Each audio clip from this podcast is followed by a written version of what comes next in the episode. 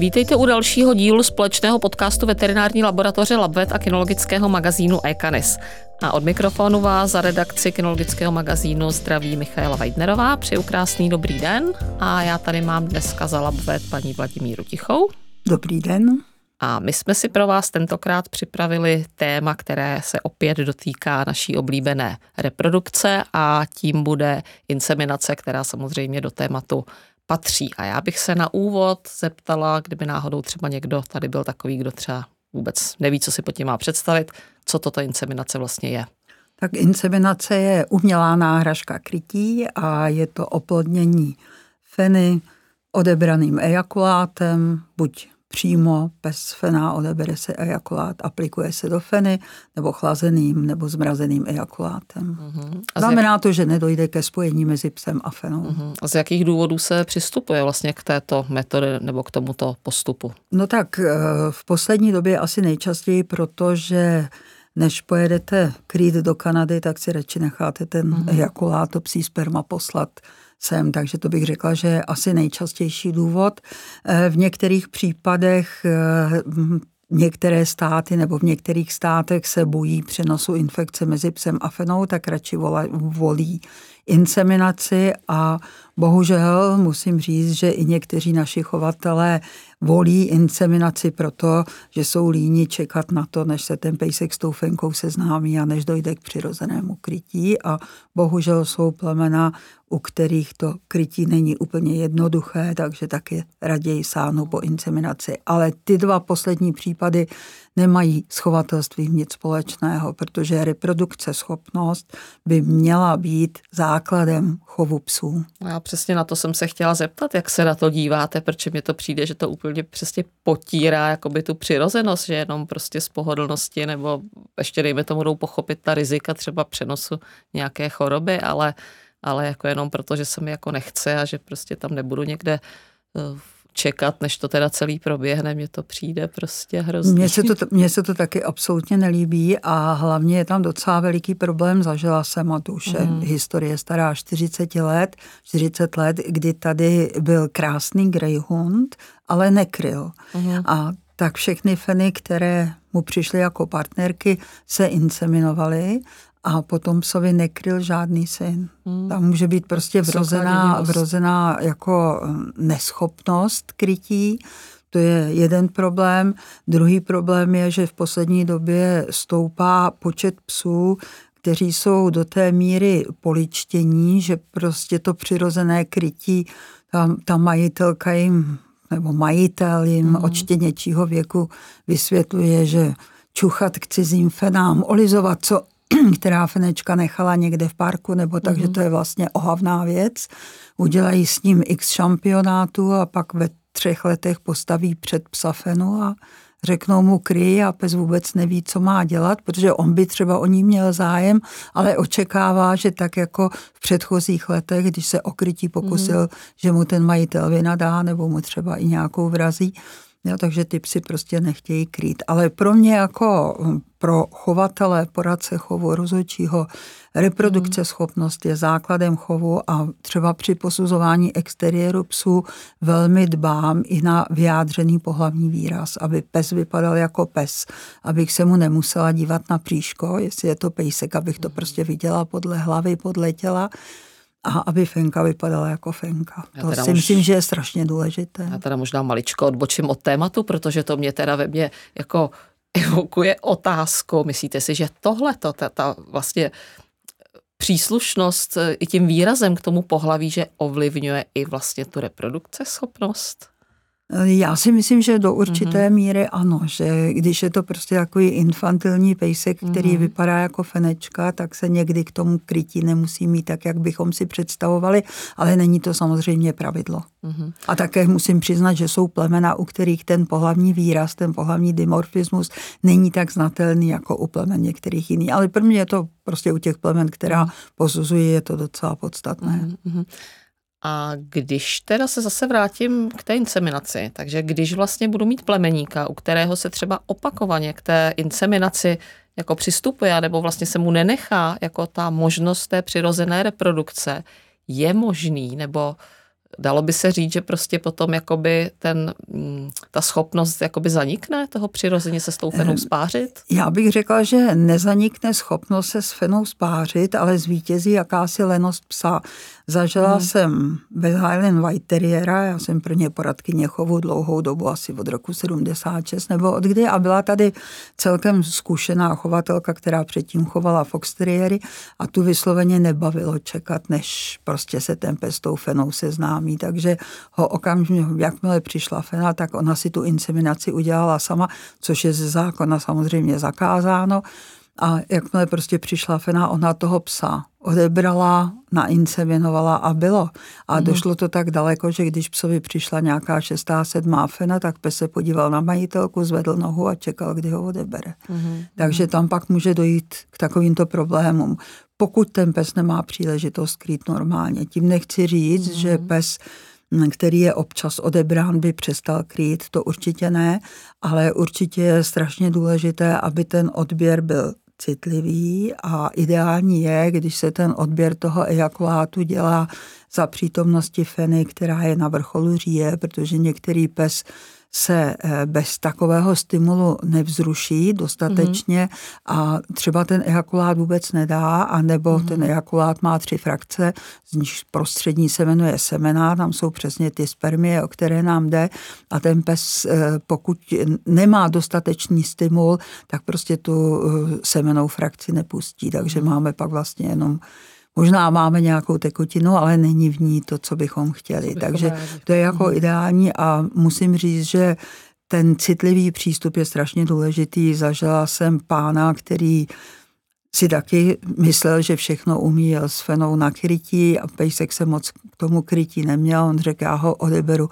a ten pes pak už nikdy nekryl. Že o nějakou dobu se mu léčilo zmoždění pije a ten pes nekryl. Mm. Takže pokud inseminace, tak za určitých podmínek a vždycky citlivý přístup k psovi i k feně. No, s tím nelze, nelze než souhlasit. A existují vlastně i třeba nějaké pravidla nebo předpisy vlastně k tomuto úkonu, co se kdy, jak smí, nesmí? Tak na to se můžeme podívat ze dvou pohledů. Ten mhm. první je zákon, říká, že inseminaci musí provádět osoba odborně způsobilá, to znamená s veterinárním vzděláním, nejlépe veterinární lékař, to říká zákon. A pak jsou předpisy kinologické, teď teda mluvím za Českomoravskou kinologickou unii, která samozřejmě také požaduje, aby inseminaci prováděl veterinář, ale tam existuje jedno pravidlo, které říká, je to pravidlo FCI, Mezinárodní mm-hmm. kinologické organizace, které říká, že k inseminaci by neměly být použiti jedinci, kteří se ještě přirozeně v reprodukci neprokázali. To mm-hmm. znamená, vztahuje se to na psa i na fenu, mm-hmm. takže k inseminaci by neměl být použit pes,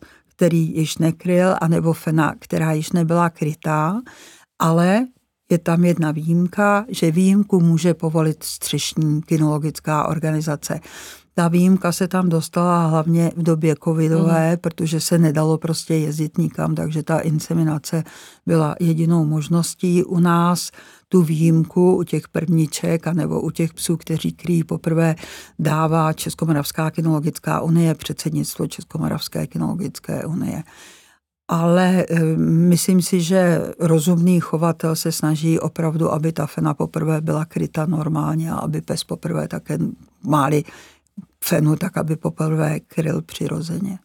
Takže to jsou předpisy a z pohledu toho potvrzení té inseminace existuje to na webu Českomoravské kinologické unie a existuje protokol, mm-hmm. který ten veterinář potvrzuje a dneska platí, že součástí toho protokolu musí být vyšetření DNA psa, aby se vědělo, že opravdu tenhle mm-hmm. ten pes, že je to jeho DNA a kdyby se měla uh, pak prokazovat původ štěňat, mm-hmm. takže opravdu on byl ten, který to pokryl.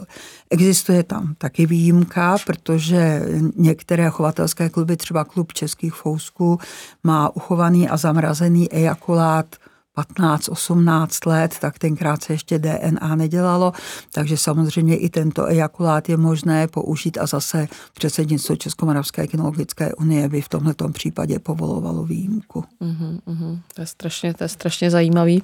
No, také a... platí, že s tou inseminací musí souhlasit chovatelský klub, že na to musí vystavit normální krycí list a co je zajímavé, je, že i předpisy FCI říkají, jak to je s majitelstvím ejakulátu, protože vy budete mít psa, necháte si od něj odebrat ejakulát a uchovat ho v nějaké té bance, že jo, existuje mm-hmm. jich celá řada a toho psa prodáte. A teď se pak řeší problém, či ten ejakulát je. Jestli je nového nabyvatele psa, mm-hmm. anebo jestli je toho původního mm-hmm. a je požadováno, aby na to byla uzavřená smlouva. Mm-hmm. A mhm. zase ten majitel toho ejakulátu pak podepisuje krycí list mm-hmm. a dodává kopii průkazu původu toho psa, samozřejmě to potvrzení o mm-hmm. DNA. Takže když vezmu tu administrativu, tady zmiňovala jste krycí list, takže když dochází samozřejmě k přirozenému jakoby oplodnění nebo k přirozenému krytí, tak podepisuje majitel krycího eh, psa, psa nebo podepisují oba dva vlastně oba dva, to, ano. že teda k tomu jakoby došlo. Ano. A v případě inseminace se teda dokládá ještě protokol, ten, je to tak? Ano, a podepisuje veterinář. Podepis, podepisuje, podepisuje veterinář, veterinář, dobře. No. A pak je tam ještě jedna strašně důležitá věc z pohledu těch veterinárních podmínek, že když dovážíte ejakulát ze zahraničí, mm-hmm. tak musí být splněny veterinární podmínky. A tam to záleží na tom, z kterého státu se to eh, dováží a hrozně nerada bych tady citovala nějaké veterinární podmínky, je lepší se vždycky zeptat na státní veterinární mm-hmm. správě. Pravda je, že letecké společnosti, které to třeba převážejí, většinou ty veterinární mm-hmm. podmínky znají, ale lepší je opravdu se informovat na té státní veterinární správě. A zase praktický příklad, k čemu může dojít. Eh, kolegyně si objednala pro baseta z Ameriky ejakulát. Mm-hmm. A přišel sem na letiště a tam se zjistilo, veterinární kontrola letišní zjistila, že u psa není doklad o tom, že je očkován proti vsteklině. A tak řekli, musí se to očkování dodat a do té doby ten ejakulát tady zůstane. Ono se to převáží v takových speciálních kontejnerech s mraženým dusíkem. Mm. A mhm. oni mi to tady necháme, budeme se o to starat a když si majitelka Feny za týden přišla s veterinárním potvrzením, že pes je řádně vakcinován proti vsteklině pro ejakulát, tak to bylo všechno rozmrzlé a byla to voda, kterou vylila a zaplatila za to mm. hodně tisíc a ten majitel toho psa vlastně za to nemohl, takže prostě plnou tu částku za to, jako chtěl. Takže hmm. tady je potřeba opravdu nad tím, nad tím hodně přemýšlet. Někdy je jednodušší ten ejakulát třeba převážet autem, nebo dneska existují i společnosti, které mají v nabídce, hmm. že tady tohle to převezou. Hmm. A ono u toho zmrazeného ejakulátu, tam se s výjimkou DNA psa kontroluje i celá řada dalších věcí, třeba se kontrolují i některé choroby mm, přenosné, že jo? takže je dobře, eh, pokud chci svého psa nechat odebrat a chci ten ejakulát skladovat, tak si vybrat pracoviště, eh, které ví, co dělá a které to umí a na které mám mm. dobré reference, takže vím, že třeba, jak se jednou stalo, že si dovezli ejakulát od Malamuta, dovezli si asi pět dávek z Kanady a a um, ten, co to měl u sebe uchovávat, to prodal někomu jinému, jo, tak aby člověk měl zajištěné takovéto věci. Aha. Aha. A ještě já se vrátím eh, k tomu, jak jsme se tady bavili, že vlastně eh, dle předpisů eh, nelze vlastně inseminovat v případě, že je to pro oba dva ty partnery jako poprvé, nebo pokud teda nevzplodili vlastně potomky ještě by přirozenou cestou.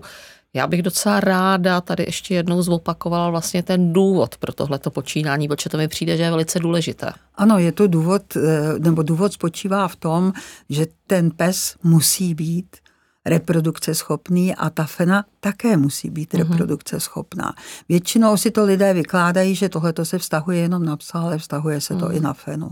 A je to pochopitelné, protože ta reprodukce schopnost je prostě základ chovu. Ale zase na druhou stranu je pochopitelné, že v určitých případech mm-hmm. je rozumnější si eh, nechat ten ejakulát dovíst, protože když máte, já nevím, x kilometrů, eh, jo, je mm-hmm. daleko, i z pohledu té feny je daleko jako jednodušší si to, si to nechat dovíst. Ale musím pak dodržet všechna ta pravidla, která mm-hmm. jsou.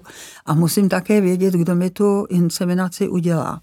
Tam záleží na tom, protože jsou v podstatě tři typy té inseminace, odebere se pes a přímo se to aplikuje do feny. Tam je otázka, proč to takhle dělám, ale vím, že třeba v určitém období ve Francii nechtěli z obavy před brucelou kanis pustit zvlášť na zahraniční fenu psa, takže mm-hmm. to mhm. dělali tady z těchto těch důvodů.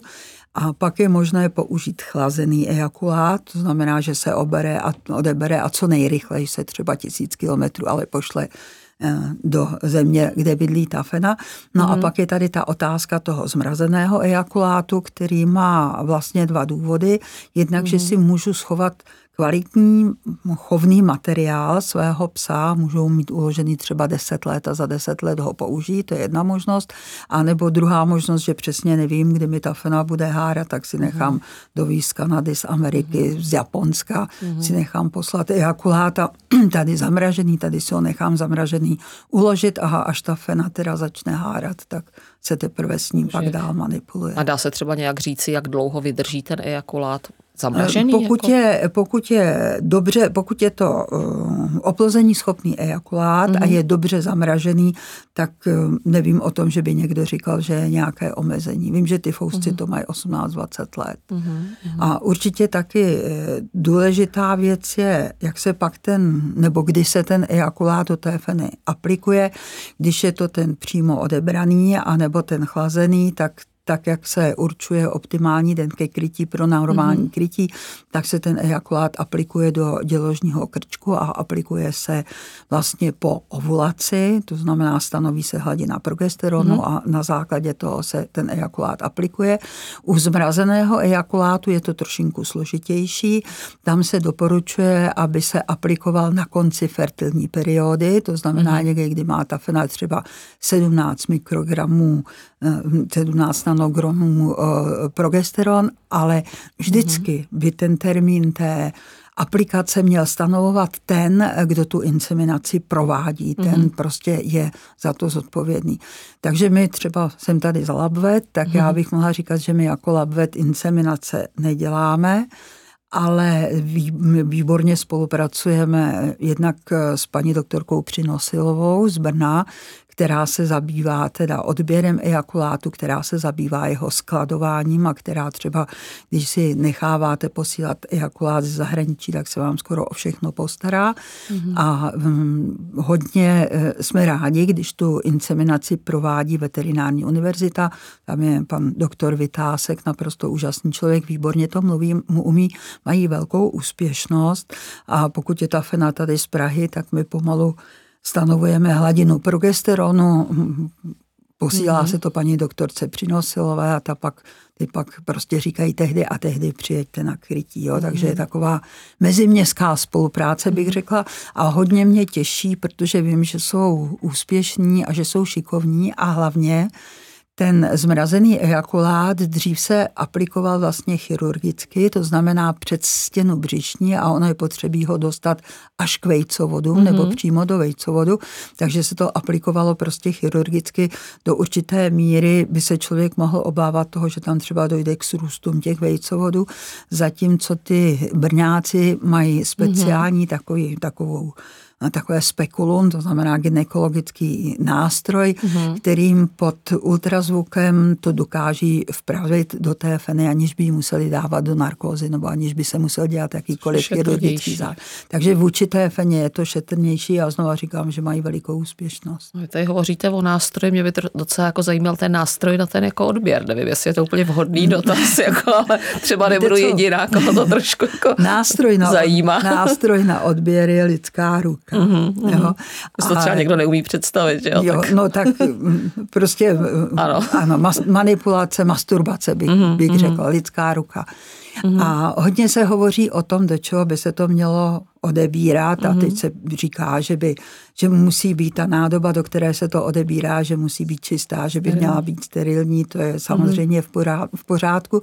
Když se odebírá pro ten, pro ten přímý přenos mm-hmm. pes a fena, tak tam není potřebí dělat žádné opičky okolo toho. Jo. Mm-hmm já jsem zažila, že jsem chodila inseminovat, mám vzdělání veterinární, takže mm-hmm. jsem nepřekračovala zákon.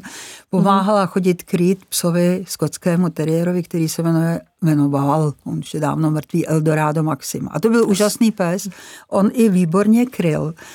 Ale chodila za ním Fena, nebo jezdila za ním Fena, která byla po úrazu kyčle a ona tu váhu toho neunesla. psa na sobě neunesla, takže tam se to inseminovalo. A ty skočtí teriéři mají ohromný, ohromné množství ejakulátu. On měl skoro čtvrt litru ejakulátu.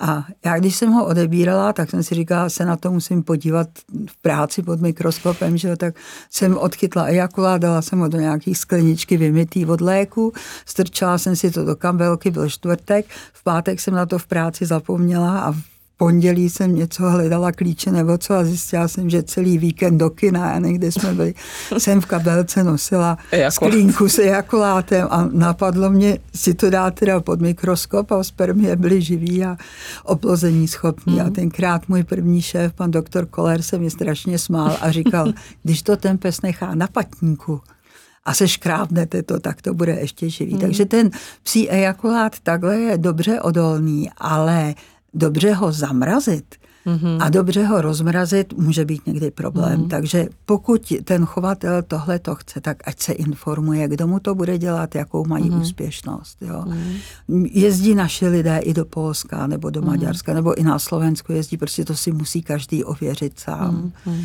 Jinak eh, možná ještě jedna taková zajímavá drobnost, když se inseminuje tím chlazeným ejakulátem anebo tím přímo pes fena, tak tam je potřebí nějakým způsobem imitovat svázání. Že jo? Pes, když se s fenou, když nakryje, tak mm-hmm. se takzvaně svází, to znamená pevně se spojí a ta fena se snaží eh, toho pejska, který je pro ní v tom okamžiku jakoby cizím tělesem vypudit.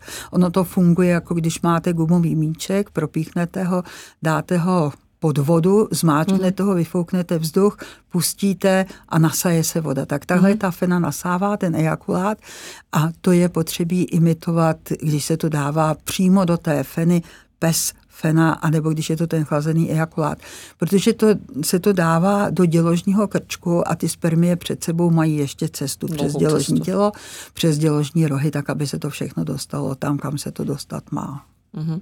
A existují, vy jste tady hovořil několikrát o úspěšnosti, existují třeba nějaké statistiky, jestli ty inseminace jsou stejně úspěšné jako přirozené krytí a co třeba může způsobit ten případný neúspěch? Tak uh, nainseminovali jsme už řadu psů, uh-huh. jo, takže já vím, že to bylo zajímavé, že les, kdy z té inseminace byly třeba o něco početnější vrhy, nežli ze stejného krytí, Vím, že velký problém nastává tam, kde eh, při tom odběru eh, třeba ten pejsek tam pustí trochu krve, takže se ten ejakulát vlastně změní se tím pH toho ejakulátu a ty spermie to nepřežijí, takže mm-hmm.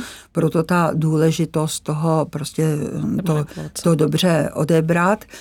Pokud se týká úspěšnosti, tak moc se o tom nemluví, ne každý, kdo ty inseminace dělá, to rád zveřejňuje protože ty původní zprávy, které byly, tak hovořily, já nevím, o 45%, dneska mm, se mluví třeba v tom Brně zhruba mm. o 85-80%, mm. ale to je takové číslo, které jsem si momentálně tak jenom jako vybavila. Neřekla mm. bych, že to mají takto statisticky prokázané, ale co vidím i to, co jim tam posíláme, tak ta úspěšnost je poměrně slušná. Hrozně záleží na tom, jak se s tím ejakulátem zachází. Když je zmrazený, tak jak se s tím zachází. Mm. Jo. Mhm. Takže na tom opravdu hodně záleží. Proto my to neděláme, protože je to strašně náročné. Mm. Jednak musí mít člověk vybavení na to, aby to mohl uchovávat a jednak je to prostě náročné. Tak vy máte tu specializaci úplně jakoby jinou, to já myslím, že posluchači už jako vědí. Ale nicméně ještě mě napadá taková věc, je potřeba třeba na tu inseminaci toho psa nebo fenu nějak jako připravit předem, teď nemyslím jako psychicky, ale prostě nějak, jakkoliv? Já si myslím, že ne. Já si myslím, že by to všechno mělo probíhat v čistotě. Jestli teda budu mít psa, který má takový to, jak oni mývají, že jo, ty výtoky z té předkošky, tak mu to asi opucuju, abych se jako látem nezachytila, hm, já nevím, nějakou kapičku toho hnisu. Myslím si, že je dobré, protože ten pes při tom odběru vlastně se celý vysune ven. Vždycky, když se mluví o mm, reprodukci, tak se hodně věnujeme fenám a nevěnujeme se psům, mm-hmm. takže bychom se měli věnovat i těm psům. Víme, že může dojít takovému zaškrcení té předkošky a že ten pes se obtížně odkrvuje, tak nad tím letím vším by se mělo hmm. přemýšlet. Mělo by se přemýšlet nad tím, že někdo se stará o fenu, někdo se stará o psa a dávat pozor, aby se ten pes přitom neporanil, když hmm. já už si zachytím eh, tu potřebnou frakci toho ejakulátu a ten pejsek prostě pořád je ještě jaksi zdůřelý, mm, zvětšený, tak aby si ten penis jako hmm. neporanil, tak nad tím by se asi mělo hmm. přemýšlet, ale jinak nevidím nějaký důvod prostě, proč okolo toho dělat nějaký další věci. Mm. A on třeba, eh, vy mluvíte o frakci toho ejakulátu, jde to poznat vlastně, nebo jak se to pozná, nebo prostě když teda budu tím, kdo to odebírá, tak poznám, že už mám to, co potřebuju? No, nebo... Já si myslím, že veterinář to pozná. A no já pozná, ne, no, ale pozná to i ten chovatel, protože když tam jde ta eh, semená frakce, mm-hmm. tak to je taková, taková jako bíl, bílá, hodně eh, zahuštěná nebo bílá, neprůhledná tekutina. Mléčný sklo takový, takový třeba. No, no, taková, mm-hmm. takový mléčný mm-hmm. jako zákal. A hrozí při tomto způsobu vlastně jakoby oplození, řekněme, nějaký třeba přenos nějakých infekcí? Tak když by v tom ejakulátu eh, nějaká infekce byla, tak asi jo. Zažili jsme jednou pejska, který měl přímo v ejakulátu streptokoka beta-hemolytického, tak tam by asi nějaká ta infekce mohla být, ale je to vysloveně jako ojedinělá záležitost. Mm.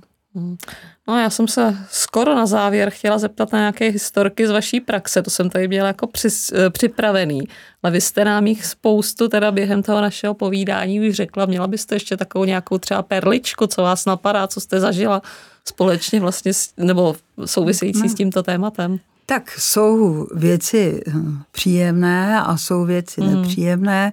Začnu tou nepříjemnou věcí, hm, když si lidé bez odborného vzdělání dělají tu inseminaci sami, tak jsem zažila, že jeden pán na to použil skleněnou pipetu, tu pipetu v té feně rozbil a my jsme z ní potom hodinu tahali střepy, oh. takže takovéhle věci asi ne, že jo, zažila jsem toho pejska, který už nikdy nechtěl krýt, protože ten mm. odběr byl jako takový smutný, no.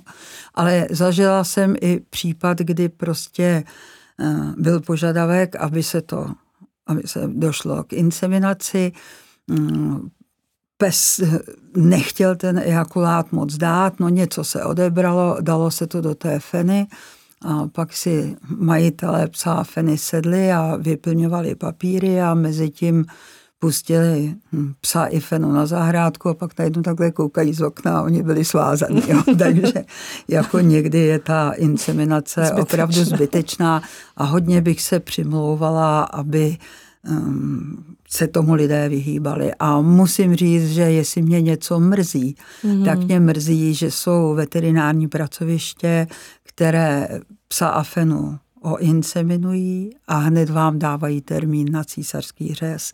Neskusí ani, jestli to jde přirozeně nebo nejde mm-hmm. přirozeně a neskusí ani, jestli by ta fena přirozeně mm-hmm. neporodila. A to si myslím, že do chovu psů mm. nepatří. Mm. Ale strašně těžko se to postihuje. Mm. Já souhlasím a určitě teda říkám, asi bychom možná mohli společně apelovat teda na chovatele i třeba majitele plemeníku, aby teda trošičku věřili možná té, té přírodě a občas to jakoby nechávali, nechávali na ní a protože určitě říkám, je to přirozenější možná i pro ta zvířata v podstatě jakoby pro všechny a, Ono tam hraje roli i takový poslední době se o tom jako hodně diskutuje, že máte fenu, která je připravená ke krytí, máte výborně kryjícího psa a on tady tuhle tu fenu nechce. A jiný pes ve stejný den úplně bez problému nakryje, že ty psy mají v sobě nějaké instinkty, které jim říkali tuhle tu fenu ne. Tady by byl veliký problém. Mm-hmm. A když se tohle to udělá, tak vlastně ten instinkt toho psa obcházíme. Mm-hmm. Jo? Mm-hmm. Takže já sama si myslím, že eh, pro tu, mm, já nevím, pro ten dovoz toho ejakulátu ze zahraničí, že to může být veliký přínos pro chov. Mm-hmm. Takže s tím souhlasím. Ale myslím si, abych inseminovala psa a fenu, kteří jsou ze sousední ulice, nebo kam mám 50 mhm. kilometrů a řeknu, já tam po druhý nepojedu a po třetí tam taky nepojedu, tak to si myslím, že není úplně ten nejlepší chovatelský přístup a rozhodně velmi odsuzuji to, že si ti lidé doma dělají inseminaci sami. To není takový problém, ale vždycky hrozí nebezpečí, že poraním psa nebo že poraním fenu. Hmm. Takže prosím, přejte jim psí lásku v přirozené podobě. Určitě, takže rozum do hrsti, přátelé, a já vám děkuji, paní Tichá, moc krát za jako vyčerpávající informace k tématu. Já si myslím, že chovatelé, že snad se nám teda podařilo jim to vysvětlit a apelovat na ně tak, jak jsme si přáli. Takže já děkuju a těším se zase někdy. Naschledanou. Naschledanou.